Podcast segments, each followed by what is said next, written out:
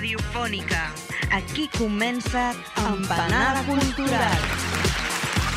Un programa cuinat per Paul Digler, Ferran Pujol, Adriano Calero, Carles Martínez, a Ràdio d'Esvern.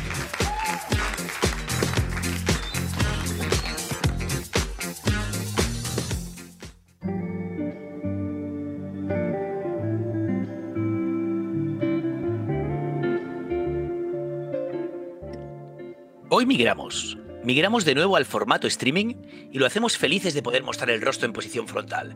Nada de cámaras de seguridad ni coronillas que asoman ante el reflejo del foco, ni espaldas curvadas o barrigas imposibles de ocultar. No, rectitud. Primeros planos, cara al frente y unión en la distancia. Más que distancia en la unión, ¿me comprenden? ¿Y por qué? Se preguntarán ustedes. ¿Que no era mejor la energía compartida? ¿Esa pizarra del tiempo en manos de Ferran? Que recordaba las que anuncian el próximo round en los combates de boxeo y las miradas furtivas para gestionar la narrativa. ¿Que no era mejor así? Tal vez. No diremos que no, ni que sí tampoco. Lo dirán ustedes al finalizar la hora, o en cuestión de segundos, si el caos acontece. Pero hoy migramos y eso es lo que importa. Y lo hacemos ahora que se cumple un año del debacle mundial, o más bien local. Ya saben que el desastre es compartido, pero las soluciones son tan creativas como nuestras empanadas. Y por eso mismo, cuando parece que por fin nuestro querido Paul podrá venir a Barcelona sin infringir la ley o sin inventarse rodajes de fin de semana, nosotros nos confinamos y nos preparamos para cualquier cambio. Municipales, comarcales, regionales, nos da igual, nos dan igual los cambios de horario y de espacio. Sencillamente, queremos estabilidad. Y como todos, la buscamos arriesgando y provocando más inestabilidad en el inicio y puede que en el camino. Como esos camareros que ya no llevan alta gastronomía entre sus manos, sino paquetes de Amazon. O como aquellos guías que ahora compiten con los profes de idiomas y con los operadores de centralitas extranjeras, ante una temporada que nunca llega. O mejor aún, migramos al streaming como esas familias que ante una ciudad en continuo resurgimiento deciden mudarse al campo sustituir la inclemencia de la gran urbe por la inclemencia real y abrazar el rigor del tiempo como la única inconstancia posible. Y abandonar la dependencia del otro, del gobierno, del mercado, del empleador. Perderse en la naturaleza y buscar una fuente de ingresos de cosecha propia. Economizar en alquiler y gestionar el bar del pueblo que lleva años cerrado. Capitalizar el paro o gastar los ahorros en un sueño aún no alcanzado. Un huerto, una librería, la artesanía. Ya lo decía Gaudí, que el original es volver al origen. Suena bonito, ¿verdad? Tal vez. No diremos que no, ni que sí tampoco. Lo dirán ustedes al finalizar el programa, porque hoy migramos, y eso es lo que importa.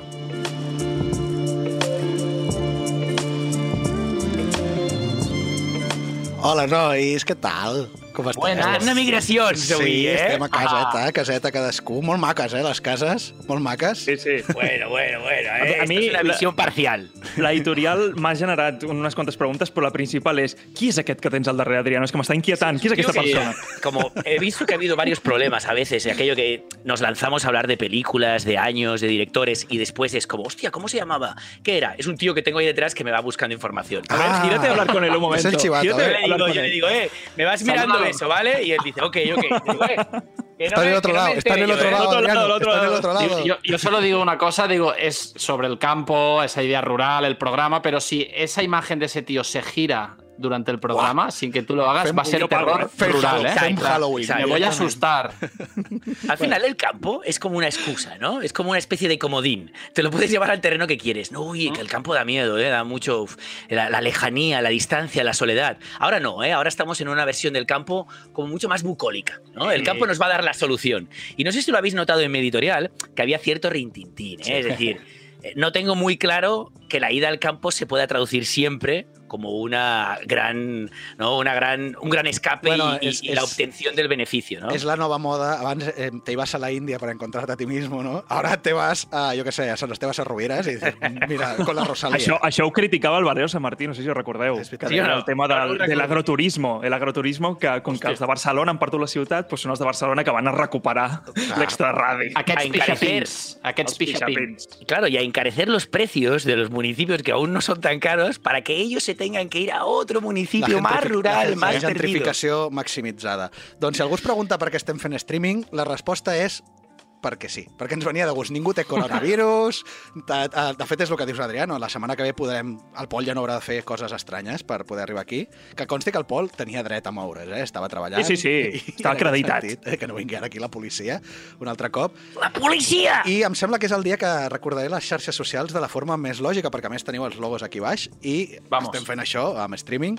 Ja sabeu, tenim Facebook, Empanada Cultural, Twitter, Empanada Cultura, sense L, Instagram, Empanada Cultural, i els podcasts els trobareu a YouTube i a S- Spotify. Spotify Ui. iTunes. Sí, sí, SoundCloud ya poca cosa trobareu. Yo tengo, yo tengo un Spot, problema por eso con el, con el tema del streaming. Sí. Me voy a poner así muy lírico, ¿no? Es aquello de, yo os estoy mirando todo el rato a vosotros. Claro, Sí. de cara al espectador, o al oyente, o al, o- sí, al espectador en este caso, parece que estoy mirando en otro punto, ¿no? No, yo os estoy mirando a vosotros, intento establecer conexión con vosotros, pero solo en el momento que mire a la cámara, vosotros podréis sentir que estoy cerca vuestro. Es ese decalaje, ¿no? De la edad moderna. Ah, eh? no, no, el decalaje és, Adriano, aquests comentaris de abuelo cebolleta, que, però total. Es de filósofo, de hecho, es de Byung-Chul Han. Es de Abuelo, Han que abuelo habla... rural. Este señor tiene Abuelo- 18 años, todo lo sabe. Bueno, Doncs- es una modernidad que ya nos gustaría a nosotros, tío. Doncs, nois, avancem que el programa d'avui, que en tema rural, de tornar al camp, no? Tornar com si haguéssim Eh, estat algun migraciones, cop, sí. no? Doncs eh, El retorno. té coses interessants. Vinga, anem.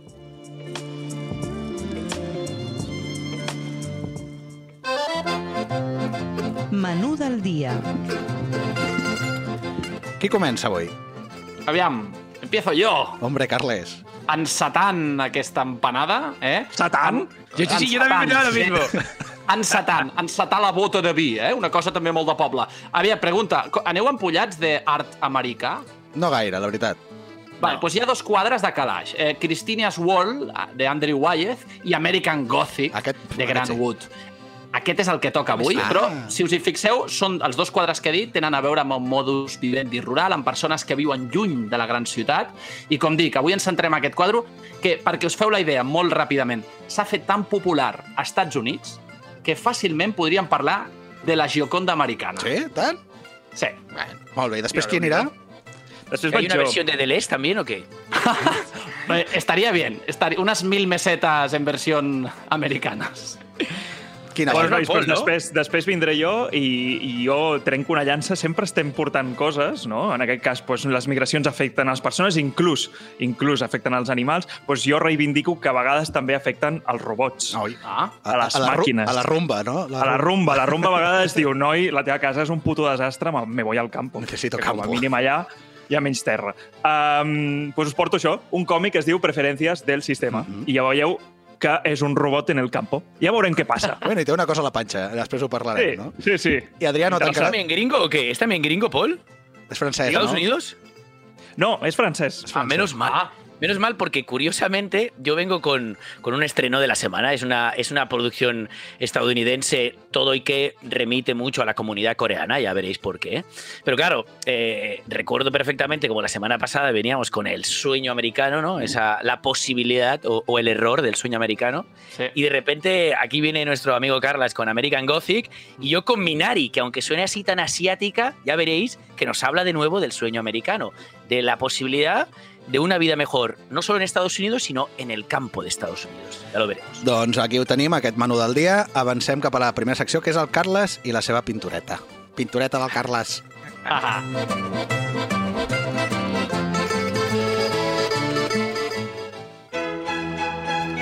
Pintura.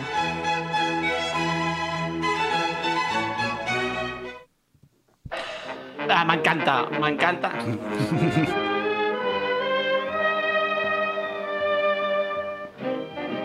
Vinga, Carles, dóna-li. M'encanten aquestes parades en sec de la música d'ascensor de les seccions d'art, eh? Bueno, Aviam, aquesta és més que això, eh?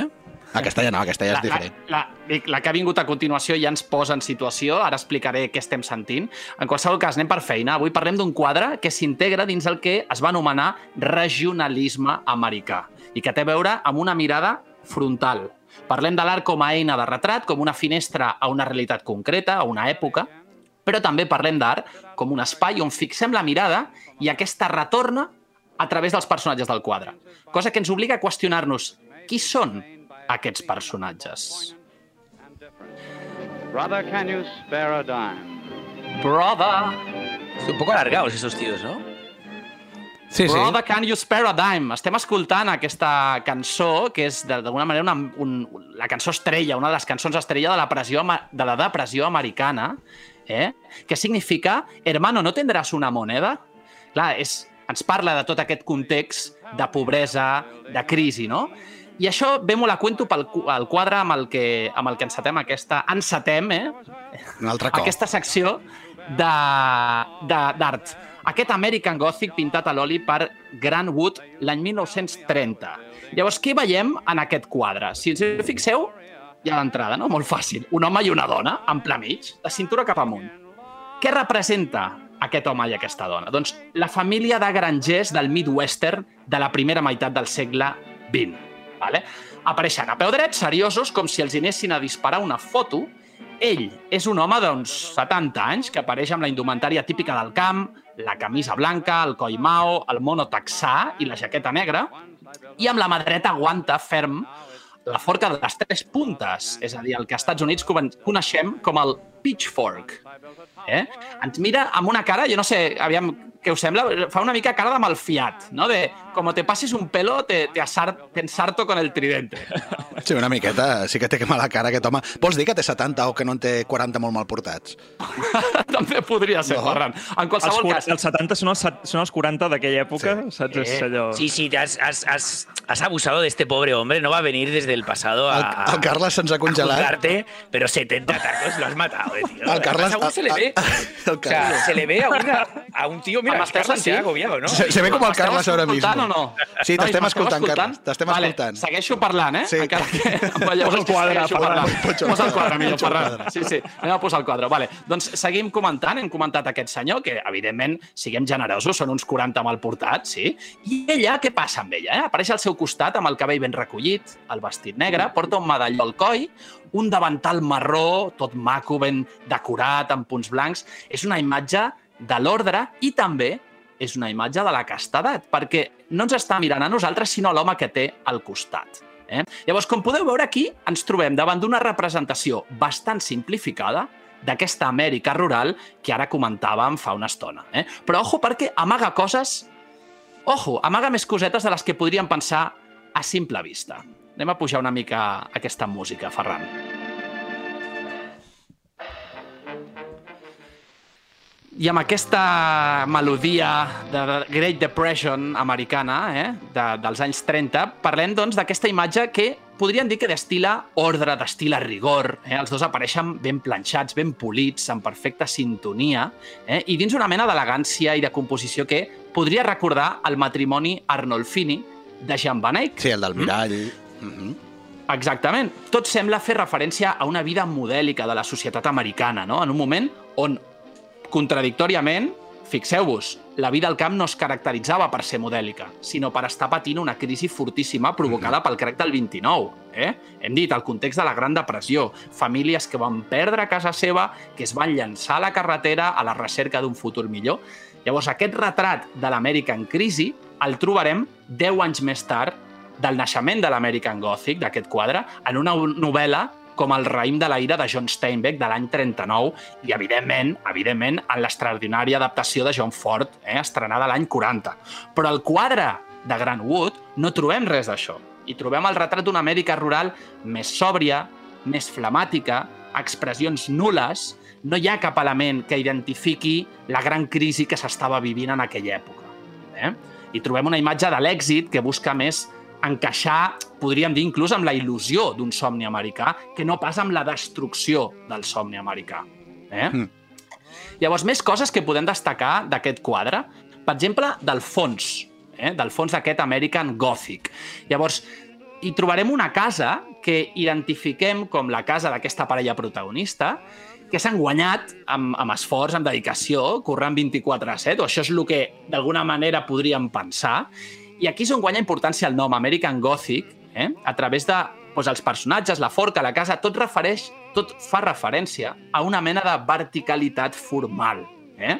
Obro parèntesi, no confonguem això amb el Southern Gothic, el gótico sureño, que és una corrent literària que també explorava qüestions socials de la cultura americana, amb ceros de la intriga com El ruido i la fúria de Faulkner, Matar a un ruixenyor de Harper Lee. No és això, eh? Estem parlant d'una cosa que té més a veure, com dic, amb aquesta casa del fons, que si us hi fixeu, la finestra central, que està entre els dos personatges, té una forma ogival, com els finestrals de les catedrals gòtiques d'Europa. Eh? Això es va posar molt de moda a l'Amèrica de finals del 19 i es coneix com el Gothic Carpenter. No, no John Carpenter, eh? Vale. Aquest sí que, és, a vegades era una mica gòtic, eh? Sí, les també. Sí, sí. Sí, també. Però no es el John Carpenter, sino que es un Carpenter que se puso de moda de, hostia, pues en Europa hay esto, me lo pongo también en mi casa, que queda muy bonito. Eh? Llavors, això ho va descobrir Grant Wood en un viatge que va fer. Viatge de, eh, a Iowa, a l'estat d'Iowa, des de Cedar Rapids, que és la regió on tenia l'estudi, i on, per cert, eh, lo digo como nota, eh, per qui vagi a Cedar Rapids, fan un pastís casolà, així de pueblo, de llimona, eh, que és el gran atractiu de la zona, es veu. Vale? Doncs sabeu que el tio va fer un viatge des de Cedar Rapids... l'has provat o no? Això és l'important, tio. Va, vinga. Jo- eh, jo- hòstia, jo- jo- per jo- fi jo dius prov- una cosa important, me cago la puta. Ara, ara, ara, ara m'agrades. Anem a menjar Anem pastissos o no? Mira, Està- jo, jo, jo he provat molts pastissos de llimona, però aquest el tinc pendent, Adri. El No- de no- Cedar Rapids el tinc pendent. No t'ha pillat de Sí, camí. sí. No t'ha pillat de camí, Però- Però... de ràpid, encara. Exactament. Bueno, el cas és que eh, Grant Wood va fer un viatge des de Cedar Rapids fins a la ciutat d'Eldon, eh, que allà és on hi ha aquesta casa que veiem al fons, es pot visitar, és una casa que data del 1881, que es coneix com la Dibble House. Eh? i que actualment és un niu de selfies, tot, tot el món con el TikTok, i s'han fet moltes paròdies eh, de gent pues, que es posa davant i es fa la foto de rigor. No? Llavors, què passa amb els personatges del quadre? Eh? Amb, aquests, amb aquesta parella que, que protagonitza eh, American Gothic. Eh, us preguntareu, també surten del viatge a Eldon? No, no. Ell és el doctor Byron McKibbe, dentista de Grant Wood, i ella, la seva germana, la Nan Wood, eh, que per cert també va, ser, va fer carrera com a artista. Eh, podrem veure una foto a continuació on es veuen eh, aquests dos models del quadre. Eh? Però reca recapitulem. Els personatges aquests Clar, és que ara ho teniu en, en safata. No són marit i muller els, els protagonistes de, de l'American Gothic de Grant Wood. No.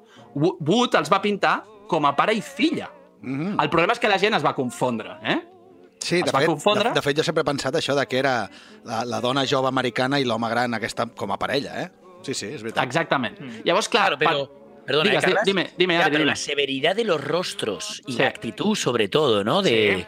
de, de la propia mujer, la, de alguna manera la envejecen, tanto a él como a ella, ¿no? Porque tú le habías echado 70 años y a ella perfectamente le echábamos 60, ¿no? En el fondo, Sí, hay algo también de la actitud, de la energía que destila a través de la pintura, que, que los envejece, no tanto por la edad que se- seguramente correspondía, sino por, por esto, ¿no? Por el tono.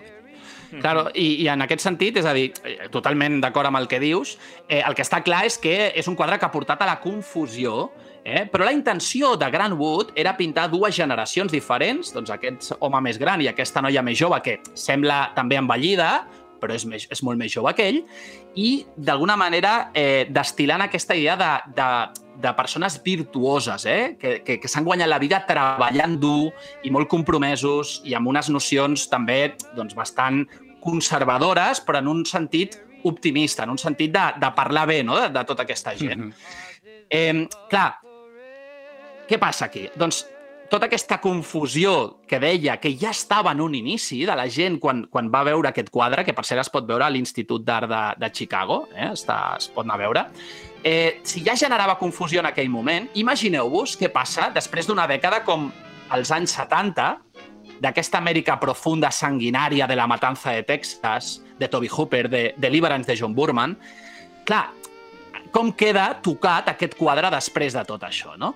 Aquesta visió sanguinària dels grangers americans que queda plasmada, per exemple, en una imitació ridícula i bastant trash de eh, el pòster d'una pel·lícula terror de l'any 88, com és American Gothic, de John Howe. L'estem veient, Carles. L'esteu veient, eh? Sí. És a dir, aquí es va estrenar com Escóndete i tiembla. Molt bé. Sembla, sembla que portin... Saps aquelles màscares? No sé si recordeu, si, vi, si havíeu vist Pesadilles, aquella sèrie de capítols. Sí. Hi havia un capítol que es posaven una mena de màscares que s'assembla igual. És idèntic al tio. Sí que té, sí, sí. O sigui, realment és, és pa tomar nota. Podeu veure aquí a Rod Steiger i Bone de Carlo, eh, que són els dos mítics eh, actors, actor i actriu de Hollywood. ¿Y a quién eh, que tienen van protagonitzar- en- Aquí tienen encerrados, pues tienen encerrados a, una fa- a un grupo de excursionistas que va alegremente al campo a pasarlo bien, a follar y a, y a comer. Ah, és, la, la típica són- ochentera de venganza sexual por el libertinaje. del Jason, Exactament. Eh, És ochentera, però amb aquest referent, com deia, d'aquesta Amèrica dels 70, que d'alguna manera veu l'Amèrica profunda com aquí passa algo raro. Eh? D'aquesta matança de Texas dels 70, que d'alguna manera eh, portarà, doncs, com dic, a tot el- l'oceà de pel·lícules de terror d'Amèrica profunda dels 80, com aquesta. Eh? Claro, Carras, es lo que comentábamos, ¿no? Al principio, de esa, esa imagen del, del campo mucho más terrorífico. ¿no? Como un lugar del que no se puede escapar y tampoco te pueden rescatar. Pasa que hay algo que, que me, que me chirría ya del cartel, de no del American Gothic, ¿eh? del, Hmm. del cartel que has enseñado. Lo pincho, lo es pincho. que, que, joder, hostia, ya que tenemos a una especie de triente, de forca, ¿no? Con Dios, ¿qué, Sí. qué narices tiene la mujer en la mano? ¿Es un cuchillo? No tira de cuchillo, una un cuchillo. Pues sí. Haber tirado de una hoz o de algo. Claro. Poca inventiva. Una guadaña, ¿no? O algo así, sí, sí. Una hoz i un martillo. És interessant. Ara m'has pillat.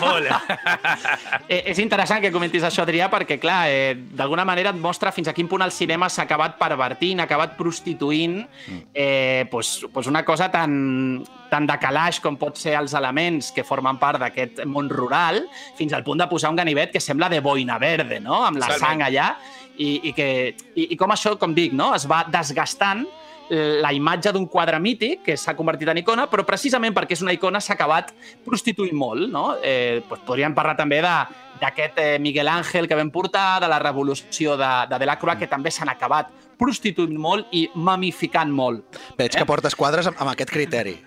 Que bueno, ja- clar, és a dir, comencem eh, per les bases i a partir Sí. d'aquí compliquem les coses. La eh? mamificación de la pintura. mamificació.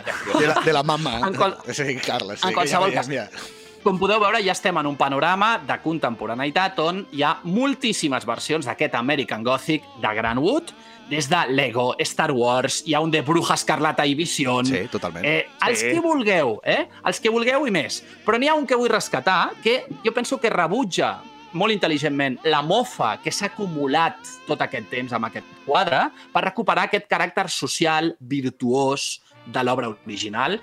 I és un quadre eh, molt recent, d'aquest segle XXI, que es titula The New American Gothic, eh? i que ara el veurem. Aquí el tenim, aquí el Hòstia, que tenim. Molt bona. interessant. Clar, aquí el panorama és un altre, ja estem molt lluny d'aquell quadre original, però també estem molt a prop. Què vull dir amb això? Doncs que ens trobem un quadre pintat per l'artista Criselda Vázquez, eh? i on podem veure els seus pares. Un matrimoni, aquí sí que és matrimoni, de procedència mexicana, de treballadors de classe humil, que seria doncs, la rèplica contemporània del, del quadre debut. Clar, penseu, si el American Gothic original proposava una defensa dels valors de la família de grangers en època de crisi, aquesta nova versió defensa els valors de la classe humil del segle XXI, dels empleats que renten cotxes eh, a l'Amèrica d'avui, que segurament doncs, tenen problemes per tot el tema de, eh, de, de... Ara no em surt la paraula, de, de final... pertenença, de Bueno, pertenença sí, a la el- terra el americana. no? És a dir, Exactament, que tenen problemes potser amb el passaport, que no, evidentment que no es poden permetre una casa amb finestres gòtics com les de l'obra original, però que lluiten, lluiten cada dia per aconseguir un futur millor. El arraigo, ¿no? El Arraigo, exactament. caso, la idea de arraigo. Exactament.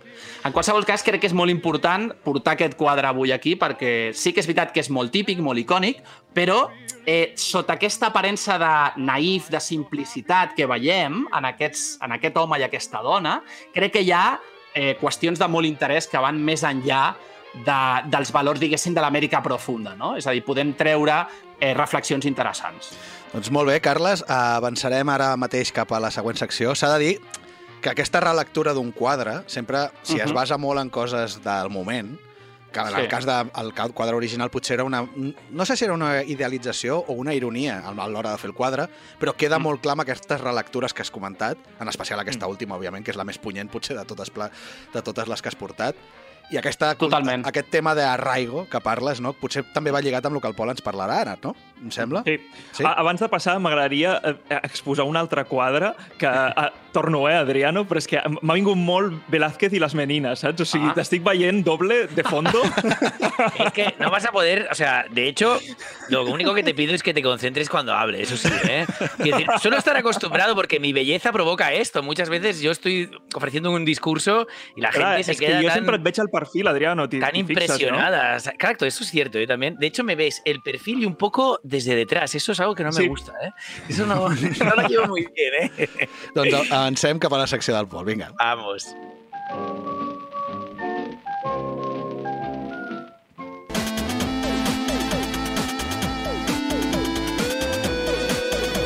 Còmics.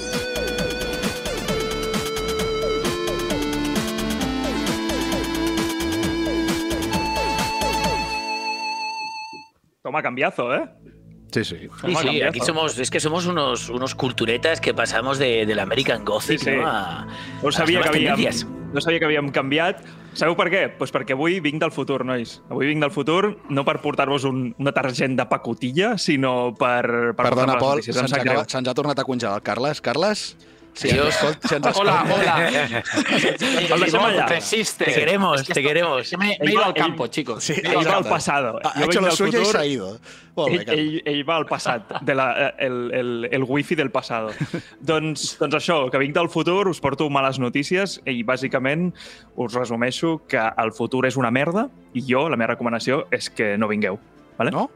I fins aquí la meva secció. Ens quedem aquí? Aquest és el meu consell. És dir, que aquesta setmana que ens obriran no val la pena que... No, ens No, no, no, no. no. Aviam, jo vinc d'un futur molt més llunyà. De fet, us faré un spoiler, eh? a veure de què passa. 2055, Ah? al món ja no hi ha més espai per emmagatzemar dades de cap mena, o sigui, de, de, de res. Espai dades, digital. Òbviament, Espai digital. Hem consumit totes les megas, tots els gigas, tots els petes, em sap greu, Adriano, però també els peta, petabytes. Um, hi, ha, hi ha una...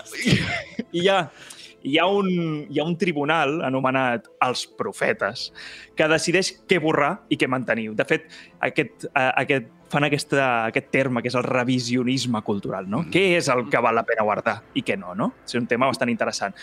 Bueno, no patiu, no patiu, que això és una broma i jo, en realitat, això ho he agafat d'un manual, que és aquest, perquè és un còmic, però és un manual. I aquí a, a veurem per què, és un total, un manifest que es diu Preferències del sistema, d'un tal Hugo Bienvenu, Bien, bienvenu, o sigui, bienvenido, no?, en francès, no, no crec que alguna així, que és el qui fa el guió i el dibuix, però, però bueno, si us dic això, no?, un futur 2055, que tampoc queda tant, eh? O sigui, està allà, allà amb les previsions terraplanistes, eh?, de Nou Orden. Um, o sigui, si us dic això, no?, una falta de- d'espai, que s'ha de borrar de cultural, s'han de mantenir coses, què us recorda? O sigui, què us ve al cap amb històries d'aquestes? Eh, bueno, ¿Es, es algo así como que nos llevamos a una isla desierta? ¿Es, ¿Este es el, el enfoque o...? a mi, a mi personalment, a mi em recorda Fahrenheit, eh, eh, que és el, el tema de els Ah. llibres estan prohibits i la gent el que fa, els, el nom de la gent és el llibre que tenen recordat a la memòria. És en plan, jo soy eh, Romeo y Julieta. O sigui, jo soy Shakespeare. Em sembla que és per llibres i no per autors. I és en plan, y mi trabajo en este mundo es recordar todo el libro ya que no se va a poder leer por si algún día se Exacte. puede volver a escribir. Això és molt interessant, el de Fahrenheit 451, no?, de Bradbury, que, que de fet tu crec que algun cop ja n'havies parlat, no?, d'això. També inclús veiem tintes d'aquests de Black Mirror o d'Un món feliç, no?, tota aquesta, aquesta societat que ha arribat en aquest futur ja de, de catombe digital, en aquest cas, no?, tecnològica, però sí que és veritat que potser inclús la diferència, i ara ho veurem en el còmic, és que a Fahrenheit es cremaven llibres, de fet es feien aquestes cremes, no?, de llibres perillosos, no? O sigui, Sí, inclús allò que podíem veure al nombre de la rosa, no?, de, Sí. de, també aquests llibres que són els prohibits, no? pues aquí, en aquest còmic, el que s'elimina és la cultura, bueno, perquè simplement es, es, eh, o sigui, es considera innecessària, no? Aquella cultura de que, bueno, mm, què guardem, què no, no? Però, bueno, O llavors sea, que ara aquí... nosotros nos íbamos a la mierda, ¿no? Sí, sí, sí. O sigui, clar, en el tema cultural, o sigui, el, el humano sigue viviendo, Bueno, i la- la- la en, un, en un entorn... La No cultura... parlava d'empanada. Sí, la cultura derivativa, o sigui, la cultura que parla Ah. sobre cultura ja no és necessària, sí, ens hem de Exacte, quedar amb lo, amb lo Exacte. poc que ja Sí, sí, sí, tenim sí, sí, fotut. ja eh? s'ha consumit tot. Llavors l'Adriano em podria preguntar, escolta, què coi té a veure amb el camp, això? A part de que la portada és un robot en el campo, que Però podria com ser... que ho sé, no t'ho preguntaré pas. No, do, doncs per què? Mira, el, el còmic té dues parts, concretament. Inclús ho podríem relacionar, sense fer massa spoilers, però amb Psicosis, amb la pel·lícula. La Hola. pel·lícula de Psicosis té aquestes dos parts, entre cometes, aquests dos personatges. No? En aquest cas, a preferències del sistema, aquest còmic que us porto, la primera part és a la ciutat, que és aquest, aquest personatge que és una mica el protagonista, que és el Yves Mathon, espero que ho hagi dit bé perquè és així en francès, no sé, um, que és un personatge que es dedica a arxivar i sobretot, sobretot, a defensar material que, que bueno, quin, quin hauria de defensar en el sentit de quin no s'hauria de borrar, no? O sigui, té aquest, aquest, aquest punt de, quasi de, de abogado respecte a aquest tribunal que són els profetes, no? Que, que és el, aquesta, aquesta mena de, de, de, de juzgado, no? de que ell es presenta al davant d'ells i diu, hòstia, no, aquesta obra s'hauria de mantenir perquè és, no? culturalment és molt interessant, no sé què, no sé quantos. Llavors, què passa? En aquesta primera part, aquest personatge, al veure de que molta cultura s'està perdent, i ja veurem després per què tanta cul- cu- cultura s'està perdent, um, comença una, una espècie de conspiració i rebel·lió que, que bàsicament és el rapte de dades. O sigui, d'alguna forma, com això que deies, Ferran, del Fahrenheit, no? aquesta Mm. forma de robar cultura, però per mantenir-la. De fet, la roba de, de los grandes, no? de los grandes servidores que hi ha a, a, en, Cultura que, en està, el- cultura que està destinada a desaparèixer i que ell considera que no. Totalment. I ja es busca el seu servidor alternatiu. Clar, perquè aquest concepte de que hi ha poc espai digital o poc espai d'ema- d'emmagatzematge d'informació és, aquest és el, el high concept d'aquesta novel·la, que és Sí, sí, sí. imagina't un món on això és finit, igual que el petroli és finit, no, la capacitat d'emmagatzemar és, és finita, Mhm. cosa que us he de dir, no passa en el món real, eh? és a dir, ja estem arribant a Mars, si fan falta més servidors, els col·loquem. Ja veremos, És que ja fa fred. ja veremos. directament. Doncs què passa? Uh, aquest home uh, roba la informació i el que, clan... o sigui, d'una forma més clandestina, a casa ja té un robot, que és aquest que veiem a la portada, vale? que es diu Mickey. Um, doncs és un robot domèstic que, a més, és gestador, és gestador, com podeu veure aquí, perquè bàsicament Puja, puja. Uh, té... Aquí, aquí. Exacte. Uh, aquí ja ha arribat al punt de que en el futur la gent està tan dedicada, tant sigui a la feina com a altres coses, que aquestes coses les releguen al, al... Bueno, i a part moltes coses d'aquestes, inclús la la setmana passada comentàvem el tema del cristianisme, no? Per què patir un embaràs no? i un part, o sigui, ho pot fer una màquina, no? I ho separa, no? Això és el que esteu fent vosaltres, no? A- Esperar. Esteu Estamos preparant-vos espe- per aquest moment. Esperando a que, otro, a que sea otro el que haga el esfuerzo. Sí. Què penses que vinc del futur? No, llavors, això, això recorda, Ferran, sobretot tu, Dead Stranding, aquell, aquell videojoc de, del, de, De Kojima. Hideo Kojima, no? També amb aquesta gestació Subrogada. extracorpòrea. Subrogada de debò. Subrogada. Saps? Jo, a mi m'agradaria afegir, o sigui, bueno, el Matrix, aquesta idea de- d'incubació de, de l'ésser humà amb, amb la gran màquina també va per aquí, no? També, totalment, totalment. Però en aquest cas, aquest robot domèstic, us podeu imaginar que és, com tu has dit abans, Ferran, una rumba, uh, però en el sentit que també parla, o sigui que és, és, és ese robot, bueno, totalment domèstic, no? És el Llavors, robot- aquesta seria la... El robot humano. Digues, perdona. El, el robot humano. Té, té, acaba tenint caràcter o és programat? O aquesta forma part del... És programat, però penseu una cosa, hi han coses de la raó, no? O sigui, al final un robot molts cops el que es basa és en la lògica, i hi han coses de lògica com eh, cal borrar cultura, no? Que, que potser un robot, pel simple fet d'estar programat, Aquí- també pot comprendre. Aquí ja, És arribaríem a interessant. Sim, aquí ja arribaríem a Simov i les seves Ah, sí, lleis de sí. robòtica, però deixem-ho, que si no el Pol no acabarà la secció. Però aquesta seria la primera part, no? O sigui, eh, la primera part seria aquest home que, que, que, que vol robar aquesta cultura clandestinament, la injecta en el seu, en el seu robot, i aquest robot ja conté tota la, tota la cultura possible no? amagatzemada d'alguna forma encriptada. No? Llavors, què passa? La segona part ja és el camp. I aquest robot per algunes coses que no explicaré, s'escapa al camp. I allà en el camp, lo interessant és que és un robot, a part de lo curiós que és un robot que s'escapi al camp, és que literalment, quan s'escapa al camp, ningú està al camp. O sigui, tothom ja viu en les grandes urbes, llavors, clar, és un camp que és literalment la vuelta als orígens, però clar, d'un robot, la volta als orígens del caçar, el cultivar, el, el, el tot, i a més, la particularitat de que un robot com ell ha de eh, criar eh, el, el bebè que portava. Això és el que, No, anava, el- això és el que anava a preguntar. Ell fuig amb la informació i, I el amb, bebè. I el bebè. Llavors Sí. ha de fer una recreació de los orígenes de la humanitat sent un robot. Que per tant no Exacte, serveix i això és lo interessant. Això és lo interessant. El més interessant de tot és la forma que té uh, el Hugo, no? el- el- l'artista, en, en, en fer aquesta transplantació d'uns humans que cada cop eren menys humans, no? diguéssim, perquè a la que eliminem cultura mm, malament anem, i ho trasplanta a un robot que uh, d'aparença pues, ha de ser algo pues, bastant lògic i bastant quadriculat, però aquest robot acaba sent pare, no? Pare a més d'una d'una criatura real, i aquesta criatura, tot i ser humana, és la siguiente, per dir-ho així, um, uh, per dir-ho així, tanda de humanitat, no?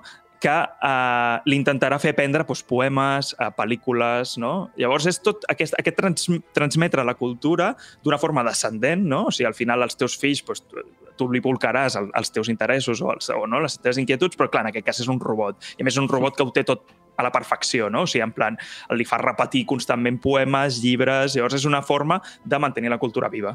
I a més, mantenir-la lluny de la, de la ciutat, de, de, tot aquest, no? de tota aquesta contaminació, no? Llavors, és un còmic que és molt, molt interessant, perquè més no només és aquesta reflexió de, de, de la importància de la cultura, d'aquesta, sobretot aquesta sobredosi d'informació, no? Al final el que passa és que hi ha tanta informació, que no vol dir cultura, sinó informació, que acaba saturant-ho tot. Dades. Sobretot aquest, aquest, aquest, exacte, aquest mal ús de la tecnologia, sobretot en quant a, en quant a xarxes socials, que és el que ocupa més espai. I després inclús hi ha un punt de missatge ecologista, perquè al final és un robot que acaba vivint en un equilibri i, eh, total a la naturalesa, respecte a, a, a la ciutat. No? Llavors també aquest missatge ecologista és molt interessant. Us posaré un exemple, que de fet és com comença el còmic, perquè veieu el tema de com s'elimina o com es gesta la cultura uh, en aquest còmic. Fan un paradigma que és el de 2001. 2001, la pel·lícula de Stanley Ah. Kubrick. Uh, al principi el còmic comença que, que eh, l'estan jutjant, aquesta obra, no? I ella ha de defensar, no, perquè és una pel·lícula que, hòstia, que va ser superinnovadora en el cine i, a més, la gent, no sé què, no? I, i, i fa un discurs, no?, al respecte d'aquesta pel·lícula i li diuen, sí, però les nostres dades han vist de que aquesta pel·lícula s'ha vist un 0,0000001 de la població. Que l'han vist, no que hagin dit que l'han vist. prescindible. No, no, no que hayan dicho que, que-. Los que han dicho que l'han visto, no, los que l'han visto de verdad. ¿no? Clar, llavors què Oye, passa? ¿y Godard, Godard en qué queda aquí? Ui, no, t'ho imagina't. Claro, no. ¿Esto es de una perversión? Porque esto es de Brutal. nuevo volver a lo mismo, volver al punto donde eh, tanto te escuchan, ¿no? Ah, y esto sí, nos sí. lo podemos Habla- aplicar hablando de- nosotros, hablando- tanto valemos, ¿no? De tanto- empanada otra vez, ¿o qué, Adriano? Claro, y entonces... eh, pero bueno, bueno, sigue, perdona, Paul. No, no, no, que, és que justament aquí genera el debat, no? O sigui, ells plantegen aquesta pel·lícula i després plantegen també uns poemes i això, però això és com uh, la, la, el detonant, no?, per dir-ho així, de, del personatge per, per ell comença a dir, "Ei, aquí s'està fent alguna malament, no? Però, però realment uh, el que et dona a pensar és que uh, donen preferència al món instagramer, youtuber, és a dir, Clar. com que, com que les visites um, és, és la nova moneda, per dir-ho així, o sigui, sí, entre cometes fins ara, potser la moneda, inclús en el cinema, era la taquilla, no? Podia ser, o, la, o els premis, en aquest cas és les visites, no? La repercussió mediàtica. Llavors, què passa? En el moment de que un, un influencer fa un vídeo que el veuen en aquell, inclús en aquell món no? que, que ja tot és molt més, uh, molt més explotable, mm, jo què sé, el, veu, el veuen 500.000 milions de persones, o cops, no persones, sinó cops, clar, això esdevé una peça digna de guardar. I han de treure, i han de treure una, no? Exacte. Han de Exacte. treure una, vale. Llavors, van, a més, ja si ens posem en que cada cop més doncs, les qualitats no? de, de, dels streamings, sobretot, no? els 4K, això és clar, tot va ocupar més, no? i al final doncs, eh, han de, han de... O sigui, el còmic és això, és la història, una distopia d'aquestes, que, de les que ens mola, no? a vegades portar d'aquestes dels els i si, no? Mm, doncs, I si realment aquí és molt, és molt més humà que a vegades algunes distopies, no? Uh, però, però sobretot és el, el fet de la cultura, no? O sigui, què es perd en base a ja no al mèrit que té la pròpia, la, la pròpia peça, sinó la repercussió. No? Llavors això és interessant perquè inclús ho podríem extrapolar al món d'ara mateix. Ara mateix es salvaria abans Baby Shark que El Padrino. Ho sabem, ho sabem, ho sabem. Desgraciadamente es así. Hay algo que me ha gustado mucho ¿no? de, lo que, de lo que estaba planteando el- la propia obra y es cómo la cultura al final no deja de ser una, una expresión ¿no? de- de- de- del humano en su realidad climática, geográfica, histórica y de repente se vuelve como, como, como aquella herramienta que, que ya no está en conexión con, la, Mm. con, con aquello que lo provocó, por así decirlo. ¿no? En el momento que tú la cultura la descontextualizas y la acabas guardando, preservando como una pieza de museo, o ya no es cultura, es arte. ¿no? Entonces es esa línea tan fina a veces, porque muchas veces hablamos de cultura como, como esa palabra de mil usos, ¿no? y, hay, que, y hay que especificar. ¿no? Y, y aquí me- me cuestionaba continuamente la obra en esa dirección, ¿no? De decir, hostia, vale, ¿no? Al final la cultura es precisamente lo que, lo que nos está pasando, son las redes sociales, es la expresión del ser humano, pero no dentro de una clave académica o reflexiva o profunda, sino que la cultura es simplemente la expresión del ser humano en su estupidez. En la sociabilidad más básica. Claro, eso ya no es cultura, ¿no? No jodamos, pero es interesante como en esta obra pues ya se le da un- una dimensión que a futuro podría ser así. Bueno, perquè la intenten... la I, intenten... I luego la, la, la... Sí, perdona. No, no, deia que la intenten quali eh, quantificar, llavors en aquell moment diuen com ho quantifiquem? El que ha donat més diners, el que ha donat més likes, el que ha vist més gent... Clar, caiem en errors, perquè mm, al final la cultura, i això crec que també és una crítica que deu haver-hi al còmic, m'agradaria llegir-lo, Uh -huh. també té un punt d'exclusiva. I potser aquesta és, Mhm. també hi ha una mena de crítica aquí d'hòstia, si volem que la cultura sigui valorada com a tal, fem-la més accessible, no? d'alguna manera també, perquè si no passarà això, un youtuber arribarà molt més amunt o Empanada Cultural triomfarà abans que no. Home, eso per seguro, aquestes pero eso no nos dades. molestará, ¿eh? Jo, jo d'alguna manera, tot això que esteu comentant, eh, ho veig des de la diferenciació, la bifurcació entre el que podríem denominar una cultura de masses i una cultura, doncs, potser més amb una sensibilitat més d'autor, no? I les tensions que hi ha, el pols que hi ha constant entre aquestes dos tipus de cultura. Sí, però al final què defineix una cultura de masses o no? Perquè no és només els gustos, també és el que ho fa més accessible o no. I segueixo dient, eh, les hamburgueses, això, eh, comparació típica d'empanada. Les hamburgueses les menja més gent perquè són més barates que els bistecs. Vale? Llavors, això és el tema de la cultura accessible. D'alguna manera, facilitar l'accés a la cultura de debò. I no a llegir un llibre escrit per... Mira, tinc una amiga que, que treballa al teatre infantil i cada any fan obres originals.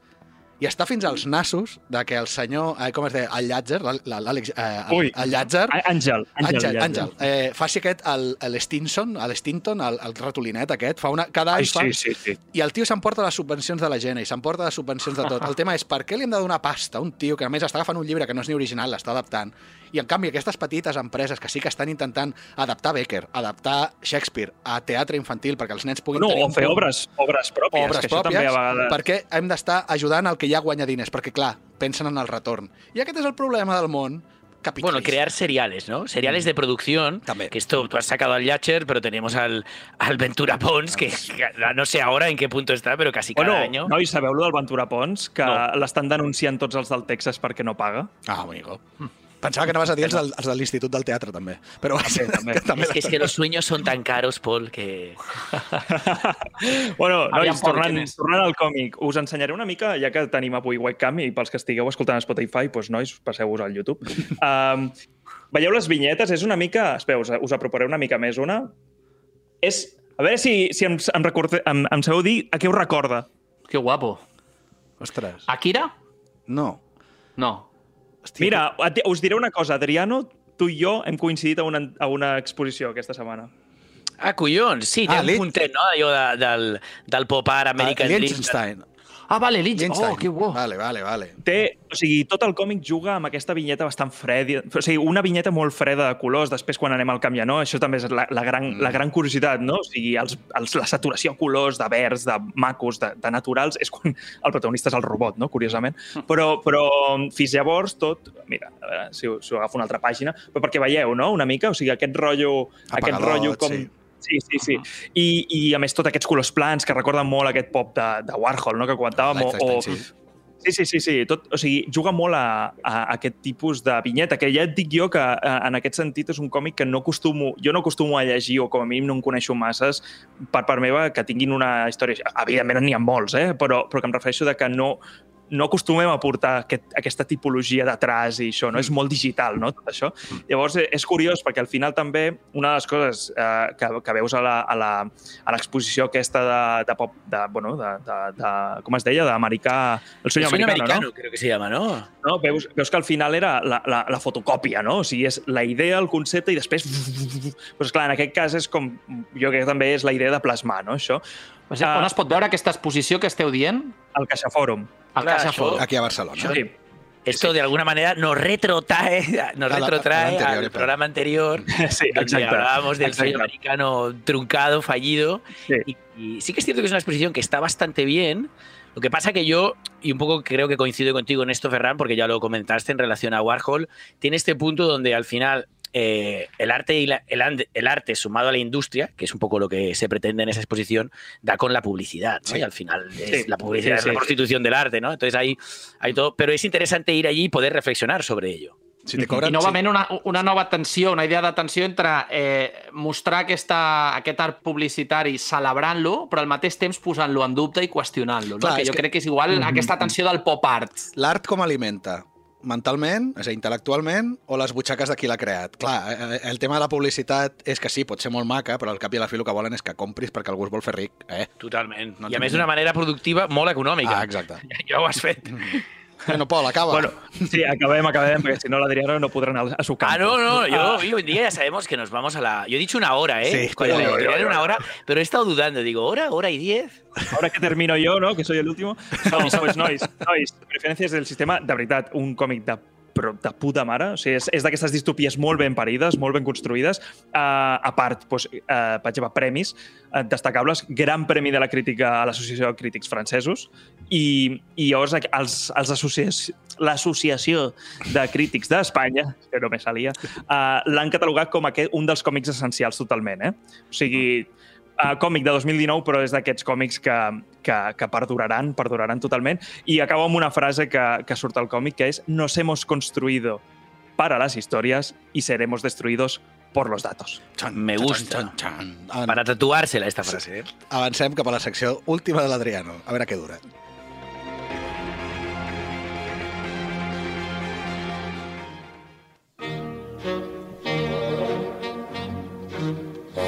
Cinema.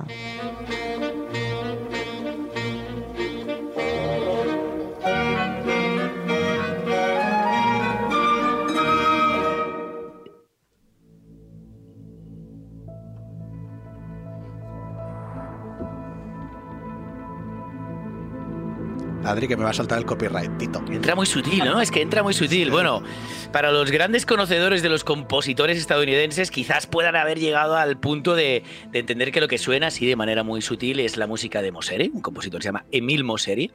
Y es la, es la música que nos va a acompañar en, esta, en este final de empanada, ¿no? Pero aunque depende cómo se mire, estamos en el final de empanada, el principio de la sección de cine. Nos va a acompañar eh, Moseri y lo hace porque claramente es quien firma la banda sonora de esta pedazo de película que se llama Minari, ¿no? Ya lo he anunciado en, en la agenda del día, que hoy vamos a hablar de Minari, producción estadounidense, pero que sabe abrazar muy bien comunidades migrantes como son la coreana, ¿no? No sé si habéis podido oír algo, ver un tráiler, ver la película. Contadme. Jo el que sé, moltes possibilitats de cara als Oscars, aquests Oscars estranys que tindrem Cierto. d'aquí. Això es comenta, sí. Cierto. Bueno, al final eh, los Oscars en el fondo tendrían que haberse celebrado ya. Sí. Eh, se celebran finalmente en abril. Y sí que es cierto que es una peli que, por los otros premios que ha ido recibiendo, pues sí que, que ya está en las, en las quinielas de los Oscars, ¿no? Yo de antemano ya os digo que, al margen de premios y de festivales, es una película súper interesante. Es una producción independiente, de estas producciones independientes de 10 millones de dólares, pero bueno, ya sabemos cómo funciona Estados Unidos. Díselo, díselo a Paul que le den 10 millones y, y- y le dan patatús, eh? Pero bueno, funciona así, ya lo sabéis. Una producción aquí son 2 millones de, de euros y 10 millones de dólares ahí es una producción independiente de Plan B, Plan B, ¿no? la productora de, de Brad Pitt, y distribución de A24, A24. Ah, Ep, Ah, ese cine independiente de calidad. ¿Qué, qué podemos recordarle aquí al, al oyente? ¿no? Tenemos Midsommar, Hereditary, estas películas de terror tan, tan, diríamos, pretenciosas, pero sí de calidad. El Faro, ¿no? Diamantes en Bruto o Moonlight. Under the Silver, Under the Silver Lake. Exacto. ¿no? Pel·lícules, Sí, no, pel·lícules la verdad que esta gente- que ens agraden empanada, ho hem de dir. Sí, y la verdad que esta gente eh, lo tiene claro. También es cierto que aquí eh, la producción ya estaba hecha, pero el pacto estaba hecho desde el principio con A24, ¿no? Porque me llevó a pensar, ¿esta gente se espera ver el, resultado de la película y entonces la compran o no la compran? No, en este caso estaba ya clarísimo. Supongo que, que- que tenían... A ver, estamos hablando de un director de cine coreano que, que no es su primera película. Mm, nos llega a nosotros, a- sobre todo a, a Europa, con, con Minari. Pero bueno, ya hablaremos de él. Ahora centrémonos en la idea de, de los premios que he mencionado y que no he acabado de especificar. Es una peli que se plantea que pueda ganar en los Oscars, pero ya ha ganado, ¿no? ¿Y qué es lo que ha ganado? Pues ha ganado Sundance. Y lo ha ganado además premio del jurado, o sea, gran premio del jurado y premio del público. ¿no? Eh, Muchas Sundance veces No és moco de pau, eh? No, no, y menos, y menos en este ámbito del, del cine independiente, ¿no? Pero es que además eh, ya está en todos los top 10 del año pasado, del 2020, y le quedan las nominaciones posibles de los Oscars, pero que ya hay unas muy claras que son los BAFTA, ¿no? Habrá que esperar a abril para saberlo, pero aquí ya la podemos ver. Eh, La estrenan justo este viernes 12 y la estrenarán, eso sí, no la busquéis a secas como Minari, buscarla como Minari, historia de mi familia. Ya sabéis, esta eh, inseguridad comercial de algunas distribuidoras de aquí, de, de casa, que, seguramente pensaban, y yo creo que pensaban, Minari, esto de Minari es muy exótico, pero que quede claro que esto va de la familia y que va de la familia a nivel universal, ¿eh? porque la familia vende más que el Minari. ¿Sabéis lo que es el Minari, por Ni cierto? ¿Qué, qué es? No, ¿qué, qué es? Bueno, suena evidentemente asiático. Se habla del perejil japonés o del apio chino. Tanto monta, monta, tanto. Aunque curiosamente, como ya he comentado, aquí los protas son coreanos. Parece ser que el Minari combina muy bien ¿eh? con las barbacoas coreanas, que ya sabéis que están, están muy de moda y la verdad que valen la pena.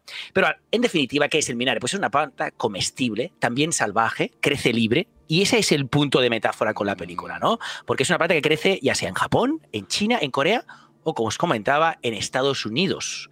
Perdona, Adri, pero digo, es que yo he empezado con el pastel de crema de limón del Cedar Rapids y ahora tú te. O sea, hemos empezado la empanada de platos del revés. Bueno, es que somos unos gastrónomos, somos unos gastrónomos y de empa- nuevo... sí, següent empanada, cuina. Exacte. No, i el, i el robot, el Mickey, el meu robot, uh, cuina nens a la panxa. Ah, Hosti, collons, però el segurament bollito, també- El bollito. També que en els seus coneixements està guardant el coneixement gastronòmic. Espero que sigui així. Lo que está claro es que forma parte de la cultura, la gastronomía. I. Y en este caso, además, con un lirismo muy particular, ¿no? Porque es una planta que una vez muere, en su crecimiento muere, pero vuelve a nacer como una especie de segunda temporada, renace, algo de, algo de ave fénix, y, el propio director de la peli lo ha afirmado en más de una entrevista, ¿no? Hay un elemento de eso en la película, ¿no? Una película que crece de manera expansiva, con mucha emoción, y, y lo hace casi sin pretenderlo, ¿eh? No es una peli muy maniquea de estas que juega con el drama como herramienta de conexión con el espectador, sino todo lo contrario, es una película que fluye, ¿no? Y fluye de alguna manera como el crecimiento de esta planta que es tan poética, que lo será para el espectador y lo es claramente para el director. Diríamos que estamos como ante un Rosebud, ¿eh? pero de Kane, de Kane, ¿eh? no, de, no de Adult Material. Paul, que te, que te veo venir. Sí, sí, és, que, que Pol... No recordava. De todas maneras, ¿de qué va realmente, ¿no? Al margen de, de esta planta silvestre, ¿de qué va Minari, ¿no? Porque en el fondo va de aquello que, como comentabas antes, eh, Carlas, nos arraiga, ¿no? Esa idea de superación familiar, de, de que el hogar, el hogar puede estar en tránsito, al final el hogar está ahí donde tú pones los pies, o como decían en los westerns, allí donde cuelgo mi sombrero, ¿no? Hay algo mm, muy, muy potente en esa idea. Y en este caso estamos hablando de ese hogar de una comunidad coreana, que a partir de los 80, porque estuvo prohibido durante mucho tiempo eh, viajar, ¿no? De salir de Corea, a partir de los 80 eh, era una comunidad muy pobre en esa época, Corea. Ahora hablamos de Corea del Sur y evidentemente lo tenemos como uno de los referentes eh, económicos de Asia, pero no en esa época, ¿no? Y entonces se van a Estados Unidos a buscarse la vida. Y, llegan a miles año tras año. Y precisamente el director que os mencionaba, ¿no? Lee Isaac Chang, es un director ya nacido en Estados Unidos, pero de origen coreano, ¿no? Y por eso en su película, pues él proyecta la experiencia que vivió. Hay algo de auto- hay mucho de autobiográfico en esta peli y, aunque cambiarían, cambiarían municipios si repasáramos la historia de la película con la historia de Lee Isaac Chang, hay algo muy claro, ¿no? Y es que la proyección argumental de la película nos sitúa ante un Chang de niño, ¿no? que, que tiene unos siete años, el prota, con su hermana mayor y los padres de ambos, ¿no? Tenemos una familia de cuatro. Estos padres tienen unos 30 y largos y llevan bastantes años viviendo en, California, en Estados Unidos. No, vemos esa migración a Estados Unidos, sino que ya aparecemos con ella.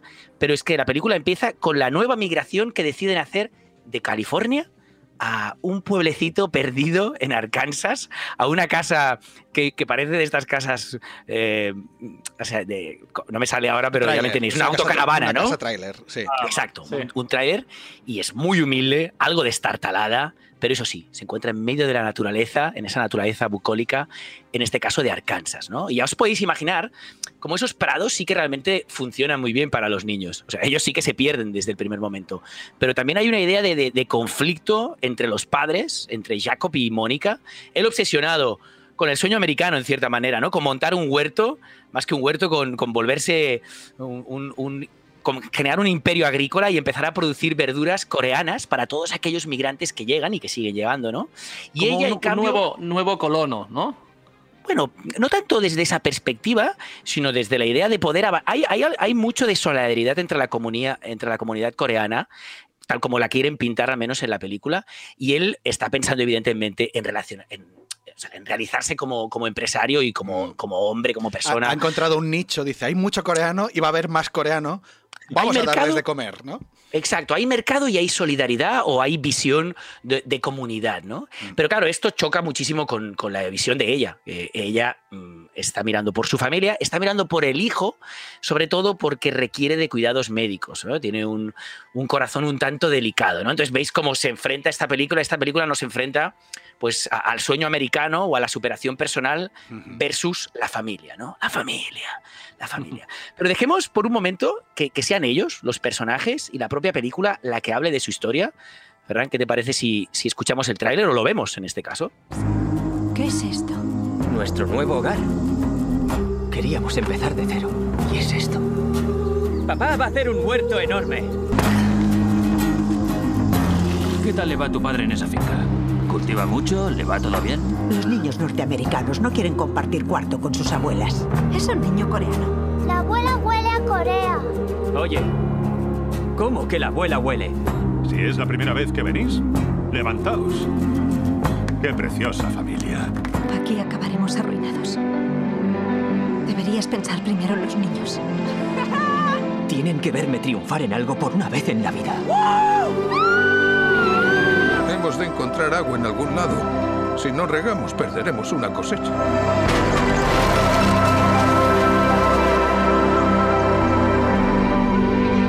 Bueno, ya veis que, que hoy he tirado de un, de un doblaje, más bien de Sí, un tráiler sí, sí. doblado. Eh, me preocupaba mucho la comprensión de todos porque en este caso eh, veréis que es una película que está tanto en coreano como en inglés. De hecho, ha, ha dado bastante que hablar porque uno de los premios que se llevó, ¿vale?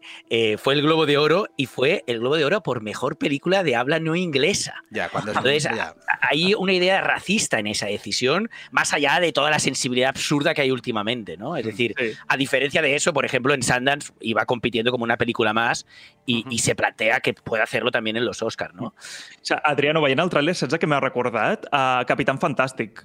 Sí, la del tiene Viggo un puntito. Mortensen, no? Tiene un puntito, porque en però, Viggo però aquí és al Mortensen... revés, no? O sigui, és gent que ja viu, perquè ha decidit viure al camp i, a més, amb la, amb la, amb la precarietat tecnològica que Sí. comporta, però després han d'anar a la ciutat, no? És com Bueno, aquesta... también he de comentar que aquí, no recuerdo exactamente el contexto histórico de, de Captain Fantastic, ¿no? Con Viggo Mortensen.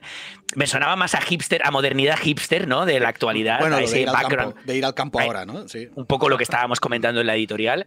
Eh, aquí no es el caso, ¿eh? Aquí es- no, no, le- no he puesto en contexto histórico, pero estamos en los años 80, estamos en plena época Reagan y, bueno, habéis podido notar cuestiones como la religión, como, como esa comunidad también puede ser bienvenida en el campo a través de la propia religión, porque estamos ante, ante los coreanos principalmente responden a la, religión católica.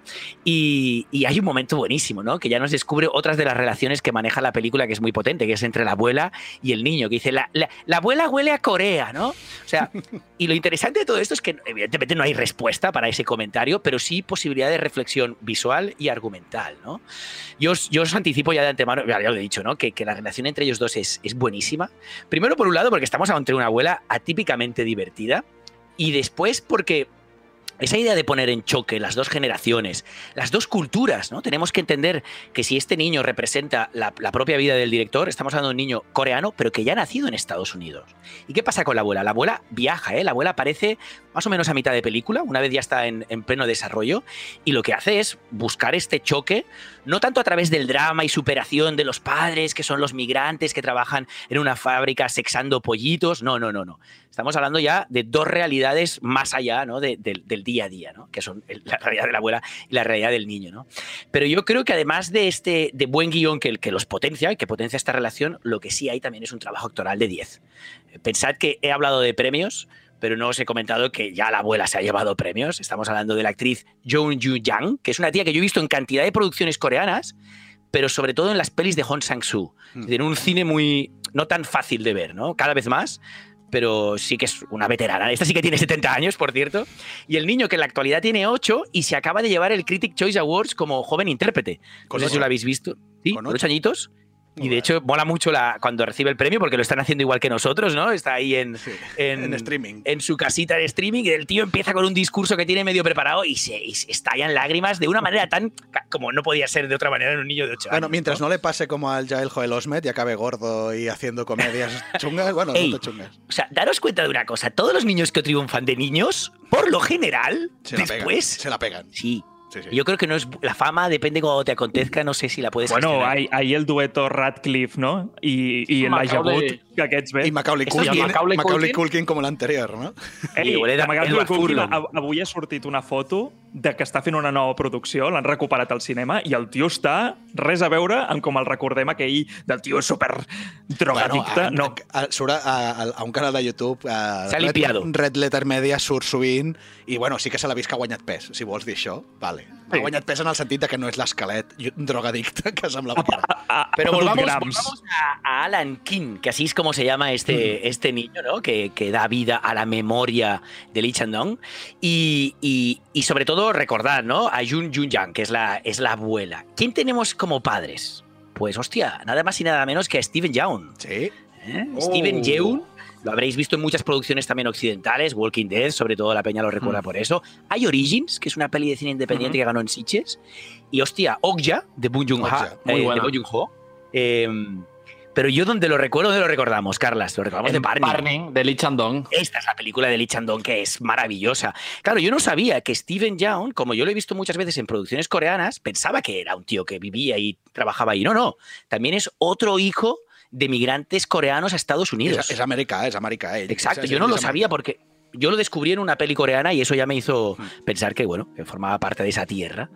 Eh, nos falta la hija, Noel Cho, y nos falta la actriz, que la hemos podido oír en algún momento cantando esa nana, ¿no? Sí, una nana que se llama Noche. No, perdona, se llama Cuento de Lluvia, ¿no? Se llama Jerry Han y sí que es su primera producción fuera de Corea. Tiene ya treinta y pico películas en Corea. Ya veréis que a nivel actoral es muy potente. Entiendo que también la dirección de actores lo ha sido, ¿no? Pero bueno, todo es muy genial o, o- o está muy bien decidido, por así decirlo, ¿no? Es decir, la manera en la que está dispuesta la película, sus interpretaciones, los protagonistas, los secundarios, ¿no? Ese equilibrio entre unos y otros, eh, el propio drama y la comedia, ¿no? Que no nos casamos con nada. Y, y ya vemos como la música es muy potente, ¿no? Emil Moseri, pero sobre todo la foto. O sea, la foto es maravillosa y, y no solo por lo evidente de que te vas al pueblo y te salen fotos muy bonitas, ¿no? Sino que hay una idea de trabajo sobre la luz, sobre la calidez de la luz y, y cómo evidentemente reflejar los estados de Estado- ánimo. Estados de ánimo, es lo que te iba a decir. Muy impresionista, ¿no? Para decirlo de Mucho. manera. Sí, muy, muy, muy potente, ¿eh? A mí me ha, me ha alucinado. No sé, Ferran, si estamos en un, en un timing Bueno, complicado ens hem, ya. passat, ens hem passat 3 minutets 4 de l'hora, gairebé, però bueno, avança, avança. Bueno. acaba, acaba. No, no, simplemente eh, vamos a ir acabando ya, eh, pero solo quiero recalcaros una cosa, ¿no? Cuando Chang plantea esta película, que es su cuarta película, está haciendo algo autobiográfico y que puede ser doloroso, ¿no? Porque al final lo que está recuperando no es solo su historia como niño, que eso es lo más inocente que puede haber, sino está recuperando la historia de sus padres, lo que ellos vivieron, cómo lidiaron con ese sueño americano y si se sintieron o no parte de esa, de esa realidad americana. Y parece ser que esto no es una cosa que maneja solo, que maneja solo el propio director, ¿no? Lo maneja también Steven Young, como os estaba diciendo, e incluso la, una de las productoras que está de- detrás de Plan B, ¿no? No Brad Pitt, evidentemente, sino eh, la productora ejecutiva, y estamos hablando de Cristina O, ¿no? Y ella misma lo dice, y lo dice así literalmente, dice, cuando vieron la película, y, y cuando, sobre todo cuando lo estaban haciendo, decía, se sintió como si estuviéramos construyendo, se sintió, esto es muy latino, ¿eh?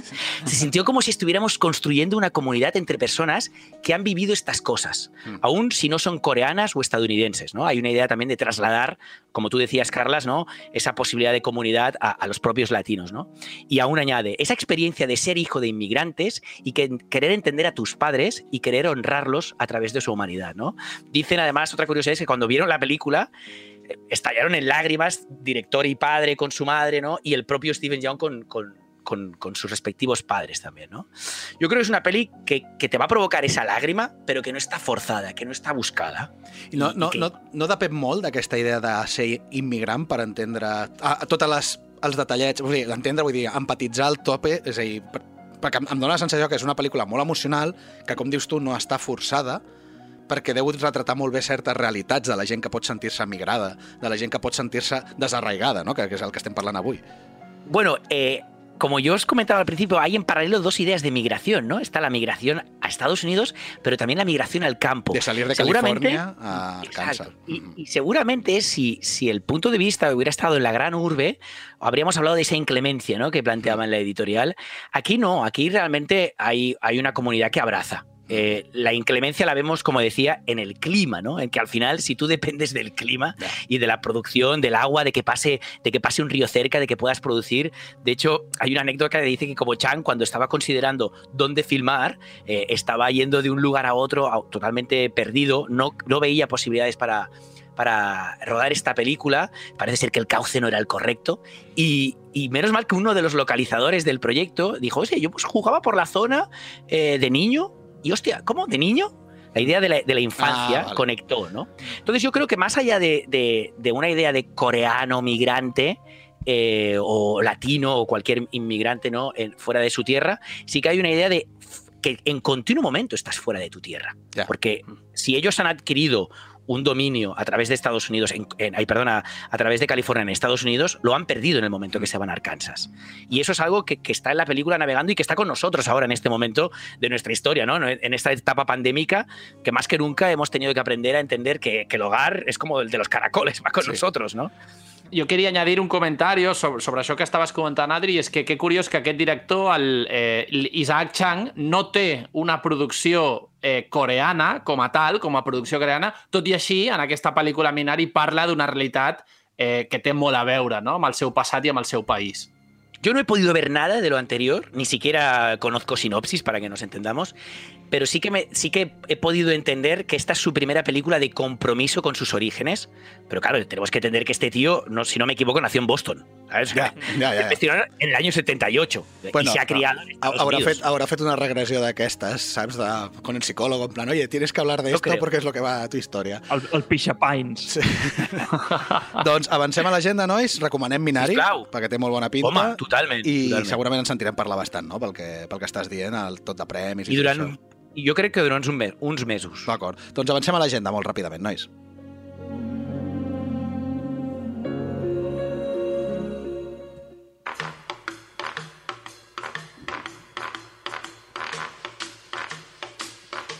Què es cou?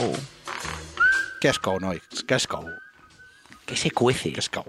Què teniu? No teniu res apuntat, Vaya, en sèrio? El primer cop. Va, jo començaré amb un joc que és Returnal, que és de, el primer joc que diem que surt de Play 5. El primer O sigui- joc original que només és de Play 5. I exclusiu? Sí. Uh, uh, hòstia, doncs pot ser, eh? Ara, de pot ser. Això no, sí, no no? ho sé. Però és aquell que és així com més, mig de terror. Eh, crec que el vam veure junts, Ferran, el, el tràiler, que era aquell món que va canviant, que és una mica de Dead Space. No, no aquell que vam veure a casa teva, de Dead Space. Sí, no, no, no. Però sí, a, a, que un és aquest- rotllo com de terror, que és una que més és... de mescla de, de Dead Space, però també amb el Silent Hill. Eh, Sí, aquest té que el un món rotllo. canvia. Sí. Sí, llavors, uh, hòstia, proposta ja de terror forta, ja les noves generacions, doncs interessant. Mm.